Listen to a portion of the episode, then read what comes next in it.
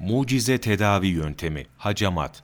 Peygamber Efendimizin sallallahu aleyhi ve sellem mübarek ağızlarından çıkan her bir kelimenin doktorlar için büyük tıp kitabı olduğunu hiçbir akıl sahibi inkar edemez.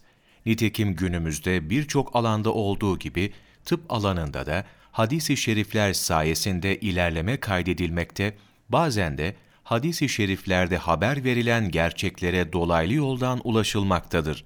İnsanı ve hastalıkları yaratan Allahu Teala, yarattığı her derdin devasını da yaratmıştır.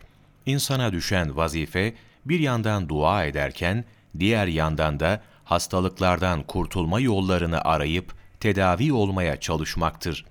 Nitekim insanlara her konuda rehber olarak gönderilen Allah Resulü de sallallahu aleyhi ve sellem, hastalığında hekimlere tedavi olmuş, hastalanan ashabı içinde hekimler çağırmış ve zamanın tedavi yöntemlerinden faydalanmıştır. O zamanın tedavi yöntemleri arasında en yaygın olarak kullanılan hacamatta, Peygamberimizin sıkça başvurduğu bir tedavi uygulaması olup, bizzat Cebrail aleyhisselam tarafından kendisine ve ümmetine tavsiye edilen bir tedavi şekli olmuştur.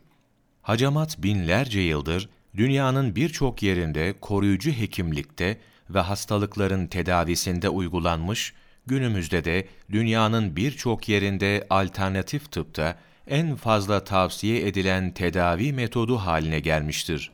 Hacamatta maksat, derinin altındaki akıcılığı olmayan kirli kanı ve dokular arasındaki sıvıda biriken atıkları belli yöntemlerle dışarı atmak suretiyle kanın rahatça dolaşmasını sağlamaktır.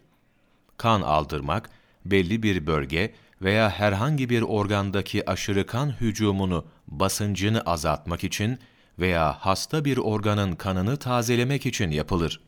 Almanya'dan Çin'e, Malezya'dan Kanada ve Avustralya'ya kadar birçok ülkede tatbik olunan hacamatla kan alma yöntemine yöneliş, bilhassa son yıllarda dünyada gözle görülür bir şekilde artmıştır.